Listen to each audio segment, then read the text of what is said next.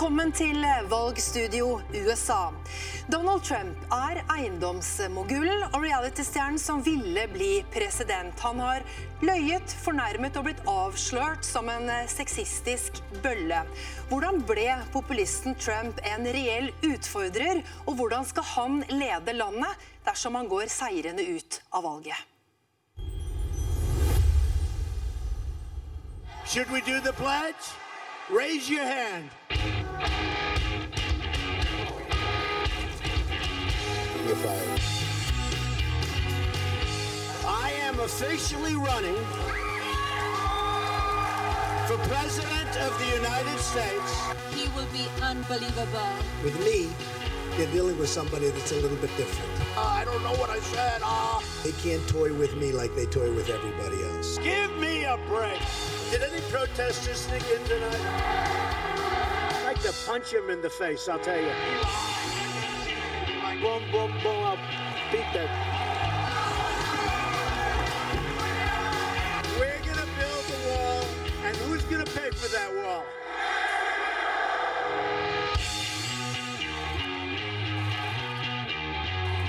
Is that sucker real? It's thin, but it's real.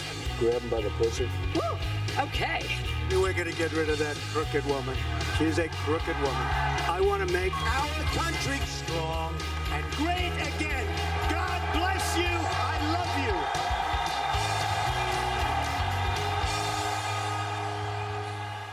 Vi skal direkte til Washington og til Alex Connant, kommunikasjonssjef for Marco Rubio. Og som vi husker, Rubio var en av de republikanske kandidatene som måtte vike for Donald Trump, som stilte som presidentkandidat, men som altså trakk seg til slutt. Thank you so much for joining us, Mr. Connant. Good to be with you again. Marco Rubio was uh, the Republican hope one year ago. What happened when Donald Trump entered the stage with his own rules? Well, Donald Trump, everyone knew who Donald Trump was. He's one of the most famous people in America. And so when he entered the stage, he took up a lot of people's attention. And lesser known candidates like Marco Rubio had trouble competing against a celebrity like Donald Trump. He captured the imagination of a lot of Republican voters, enough to win the Republican nomination, being the front runner from pretty much the moment he entered the race. Hmm. But describe how Mr. Rubio's campaign was surprised. Well, we just didn't take Donald Trump very seriously at the beginning. Nobody took Donald Trump seriously to start? People thought he was running as a joke or that he was running to promote his own hotels. They didn't think he had a real chance of being the Republican nominee. They viewed it as as a, as a bit of a joke. They viewed him as a celebrity, not a politician. And so we didn't take him seriously. Neither did any of the other campaigns, frankly, and neither did the media. It was a real surprise when he started rising in the polls and then never falling in the polls. Hmm. You are now, Mr. Conant, uh, advising Mr. Rubio's Senate campaign. How are you working to get voters who are unsure if they will vote Republican? Well, that's a good question. I think, regardless of who is going to be elected president, if it's Donald Trump or Hillary Clinton, we're going to need a strong conservatives, strong Republicans in the Senate to keep a check on the president. That's an important function for the Senate on issues like the Supreme Court, on, on tax policy, on voting on international affairs and foreign policy. Marco Rubio is on the Senate's Foreign Relations and the Intelligence Committee, so he plays an important role in keeping a check on the on the administration, regardless of who the president is. Hmm, is Trump causing trouble for the Republican Party? No, but he's a different kind of Republican. He's not your traditional candidate. He's not your traditional Republican.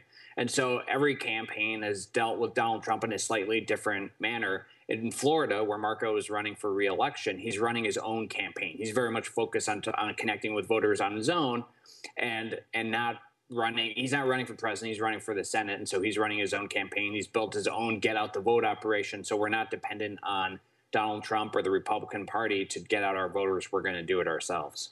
Alex Conant, thank you so much for joining us. Hey, thank you. Til tross for Donald Trumps eh, sjokkerende oppførsel som presidentkandidat, så er det mange som har latt seg fenge. En av dem her hjemme er Carl I. Hagen. For det første så er det jo et valg mellom to onder, og da velger jeg det som alle andre ikke velger, i Norge i hvert fall. Og har litt sympati med den eh, voldsomt utskjelte Donald Trump, som ikke kan være så ille som han vil ha det til, når han har greid å holde seg oppegående og fremdeles er milliardær og har et svært firma som han har eh, bygget opp.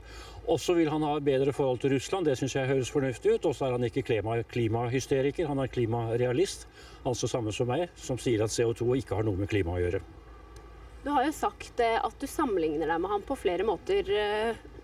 Si litt om det. Ja, For det første så er vi litt sånn litt samme håret. I tillegg så har jeg alltid i min karriere brukt tommelen opp når jeg har takket for applaus, og han har begynt å gjøre det samme. Og så er han the underdog, litt sånn gutten i keiserens nye klær som sier det alle andre ikke sier. Uh, og det er litt, syns jeg, fascinerende å ha igjen. Og alle sa det samme om eh, Ronald Reagan, som ble en av de store presidentene i USA. Hva er det ved Hillary Clinton du ikke liker? Jeg syns hun virker veldig sleip, og hun har ikke noe flink utenriksminister. Vi har jo nå konflikter veldig mange steder, eh, og særlig overfor Russland, nesten kald krig igjen. Og det er fordi vi stolte på vurderingene fra amerikanerne under Hillary Clinton, og de tok feil. Men eh, det er klart, det beste jeg kan si om eh, Hillary Clinton, det er at hun er født på samme dag som min kone, så begge to hadde 69-årsdag sist onsdag. I studio hos meg, Eirik Bergersen, satiriker og USA-kjenner. Velkommen. Og velkommen til deg, Tor Steinhovden, USA-kommentator i TV 2 og rådgiver i Agenda. Aller først, vi hører altså Carl I. Hagen si at han, eh, han snakker om folks avsky mot Washington og eliten. Det har de sammen, og er den forsømmelsen av den hvite middelklassen Trumps eh, kanskje viktigste kort? Ja, Det vil jeg absolutt si. Han har spilt på det fra dag én. Og det her med å være imot politikere i Washington og være sinte på de, det er jo noe som republikanerne generelt har spilt på, iallfall helt siden Obama kom til makta, og egentlig mye lenger før det. Trump har jo tatt det budskapet og utvikla det litt, og blanda inn da frihandel. At frihandelsavtale det har ikke gitt hvite amerikanere uten utdanning, høyere utdanning først og fremst, en del av den amerikanske drømmen som de fortjener. Vi har et lite knippe av de berømte capsene liggende her hos oss. Trump skal 'make America great again'. Og Bergersen, hvordan skal han få til det?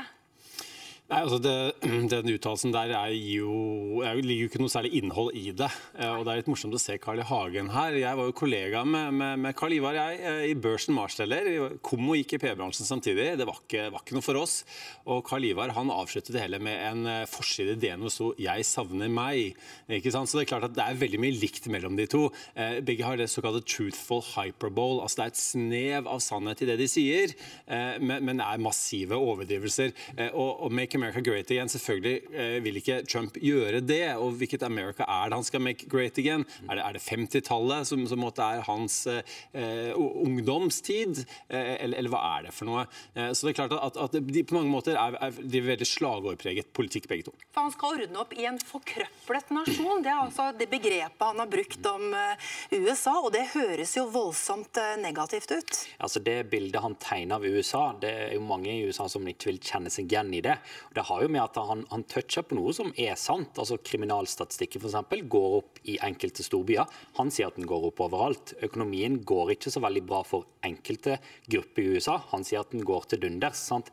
Så han bygger opp under det her veldig bevisst. Eh, og det, det, skaper jo da en stemning og en sånn slags eh, motivasjon om at det her er et veldig viktig valg for mm. hvite velgere. Og det er jo det absolutt, men kanskje ikke så viktig som Trump vil ha det til. da. For ett år siden så lo alle ekspertene av eh, Donald Trump. Man flåste nesten litt sånn av det, gadd nesten ikke å snakke om det. Og nå står han der. Hva er det han klarte å ta underveis, og hvorfor fenger han så voldsomt? Ja, altså Marco Rubios uh, valgkampsjef er jo inne på veldig mye av det her. ikke sant? Han, alle ble tatt på sengen. Uh, de altså primærvalgkandidatene som da slåss mot hverandre, brukte veldig lite tid, veldig lite penger på han. Mediene som plasserte han i underholdningssidene. Det var ikke så, tok en stund før det kryp, krøp inn på politikksidene. Eh, og Det er klart at nå, det føles som en veldig lang valgkamp, men, men det, er, det, tar jo litt tid da, for, for mediene å undersøke hva det er Trump står for politisk. for han har jo, har jo hatt har jo ingen politisk erfaring. Men, mens Hillary hadde jo da 24 år med politisk erfaring, og veldig, veldig mye var undersøkt eh, allerede. Eh, så, så det, det, har tatt sin tid. Han har jo selvfølgelig tatt alle på senga, og er, er fortsatt der nå. Eh? At, at man, han, man, lurer veldig på hva det er han kommer til å finne på i Det hvite hus. For han er jo svak på politikk, og, og det er stort sett karakterer eh, han ønsker å snakke om, og måten han tar Hillary på. da. Hvilke helt, hvilke helt klare eh, svakheter i det amerikanske samfunnet har gjort Trump-fenomenet mulig? Økonomisk ulikhet, absolutt. Det at eh, reallønnsveksten har vært ca. null og negativ. Eh, at eh, kullindustrien i visse deler av USA går til dunders. At industrijobber har forsvunnet ut av landet i hopetall. Og at politikere i Washington nok har forsømt hvite velgere. Eh, kanskje spesielt på demokratisk side så er det, er det en del hull i politikken som er veldig retta mot bl.a. minoritetsvelgere, som jo riktignok ikke hadde det så bra fra før av. Men det gjør det at, eh, at enkelte deler av USA føler virkelig at den amerikanske drømmen ikke har eh, gitt de noe, og til en viss grad har de rett i det, altså. Mm. Hvem er det Trump har tråkket på underveis? Ja, altså Det er jo Hvem er det han ikke har trukket på? Han har jo altså Minoriteter er nevnt, kvinner er nevnt. sant, Svarte, muslimer, altså innvandrere som, som måtte eventuelt ønske å komme til landet, som nå ikke skal kunne få det. da. Og, og det er klart at Eh, de, det er som, som Tor sier, selvfølgelig, det er, det er, hvite velgere, men det er først og fremst hvite velgere uten utdannelse. Mm. fordi blant hvite velgere med utdannelse så er det Hillary som leder. Så, så det, er, det, er, viktig å, å gjøre, den, gjøre, den, forskjellen der. Og på mange måter er det en litt sånn borgerkrig blant, blant hvite middelklassen eh, vi nå ser, eh, ser, i USA. Men Trump er på mange måter altså paradoksenes mann. ikke sant? Eh, altså Det er først og fremst dette systemet, altså det, det, det elitepregede amerikanske politikken, som, som han på en måte vil, ja, vil nærmest brenne ned til grunnen. men hva han vil erstatte det med, er, han ikke så veldig tydelig på. Og folk er kanskje ikke så opptatt av det heller. For han er proteksjonisten som da produserer alle varene sine i utlandet. Eh, han er på en måte en antielitisten som har tjent pengene sine på å bygge gullaminerte bygninger med navnet sitt eh, på. Ikke sant? Så, så det, det er, og, og, når man snakker om the value voter i USA, altså den personer som stemmer faktisk på, basert på verdier, kristne evangelister for eksempel, er han veldig populær hos, så er det selvfølgelig ikke eh, Skjønner alle eh, de også hva slags type han er, men det de er opptatt av, er jo at han skal da putte deres mann, en antiabort-motstander, eh, inn i, i, i Høyesterett. Eirik Bergersen og Tor Steinolden, takk skal dere ha. Før sending så utfordret vi ekspertene våre til å liste frem positive ting med Donald Trump. Hva det er, ja, det kan du lese på våre nettsider tv2.no. I går så, så vi at eh, ingenting ennå er avgjort i kampen mellom historiens mest upopulære presidentkandidater. Tar Trump eh, fortsatt innpå i vår ferske prognose, Kjetil? Ja, Han tar fortsatt innpå. Det skjer én ting Elin, på vår prognose i kveld. Det er at vi tar Pennsylvania blant, fra Hillary, fra de blå, og overfører den til vippestatene. Det betyr at på vår prognose så mister Hillary Clinton 20 valgmenn. Hun går ned fra 20, 248 til 228 valgmenn, men leder fortsatt på Donald Trump, som har 180 valgmenn. Og Så er jo da spørsmålet om Trump kan vinne dette. og La oss se på to grafikker her som, som kan si noe om det. Dette er oversikten over det nasjonale snittet på målingene slik det presenteres av Real Clear Politics. Og, og legg merke til denne røde streken som da er Donald Trump. Han har tatt igjen Hillary Clinton gjentatte ganger gjennom denne lange valgkampen, sist i sommer. Og nå, denne siste bratte kurven her viser at han er på vei til å ta Hillary Clinton igjen. Men, men merk at det er et slags tak her for den røde stipla linjen som Trump ennå ikke har brutt gjennom. Det er det Trump må klare nå. Han må bryte gjennom sitt tidligere toppnivå, og det må skje så fort som mulig hvis han skal vinne. Og Så er spørsmålet om ekspertene tror at dette kan skje i det hele tatt. Vi skal ta med et nytt klipp som er henta fra New York Times, som samler da alle som spår om dette valget. Det er ulike byråer bortover her som alle har spådommer om valget. Blått betyr Hillary Clinton. Og hvis vi drar en strek her under Colorado, så ser vi at alt over her på en eller annen måte er blått. Og det er nok til å gi Hillary Clinton seieren. Alt dette gule her, tvilsomme stater, må spre seg oppover skjermen. Foreløpig ser ikke det ut til å skje. Så fortsatt er det slik at Clinton er klar favoritt til å vinne, men Trump nærmer seg. Da er det fem dager igjen, Kjetil. Takk skal du ha. En fjellkommune i Virginia er Donald Trumps eh, sterkeste bastion i USA. I primærvalgene så fikk han 70% av stemmene der. Eh, tirsdag så får han eh, enda større oppslutning. Nå skal vi til Trumpland. Dette er Buchanan County i Virginia. Kommune i fjellkjeden Appalachene hvor dalene er trange og meningene enda trangere. Sørstatsflagget, slaveflagget, vaier overalt. Et symbol på historie, ikke på hat, sier de vi møter. Livet her konsentrerer seg rundt fire stolper. Gud, våpen, familien og kull. De siste sju årene er halvparten av gruvene i området blitt stengt. Resten driver med redusert kapasitet. Arbeidsløsheten er høy. A lot of my friends and family are not working right now. They're laid off. It's bad time for coal. It's a bad time for coal around here, yes. Nå har folket her bare ett eneste håp Donald Trump. The miners are going back to work. Maybe he can get the coal back in this country. I primærvalget fikk han 70 av stemmene i Buchanan. Størst oppslutning i hele USA.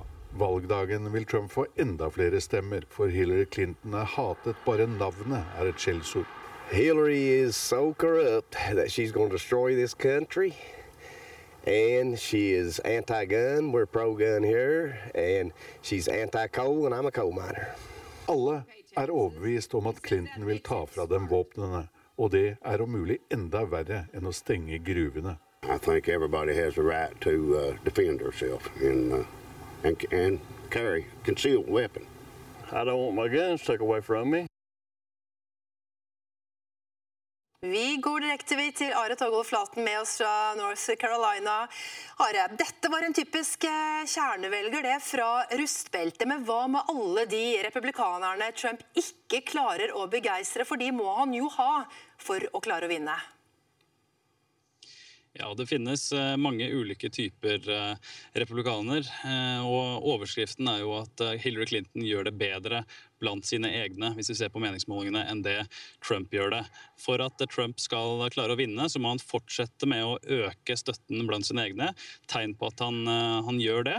Men så er det jo mange ulike typer type republikanske velgere. Her hørte vi noen mer sånn tradisjonelle, kanskje litt mer sånn stereotypiske velgere. Så finnes det jo også mange eh, republikanere rundt omkring i USA med også som har høyere utdannelse, som da er mer moderate. Eh, og det er jo mange av de som, som har blitt litt avskrekka av Donald Trump i løpet av av den nominasjonskampen her, men som nå sakte, men sikkert ser ut til å komme hjem. Med Trump bare, så har det blitt uh, splittelse og krangel i det republikanske partiet. Hva kommer til å skje med det republikanske partiet etter Trump? Ja, altså Uansett eh, og uavhengig av hvordan det går på valgdagen, så er partiet nå splitta. Og det er to, eh, minst to, eh, kanskje flere, steile fronter innad i partiet, som vi så i nominasjonskampen. Og Paul Ryan er jo da leder av Speaker i Representantenes hus.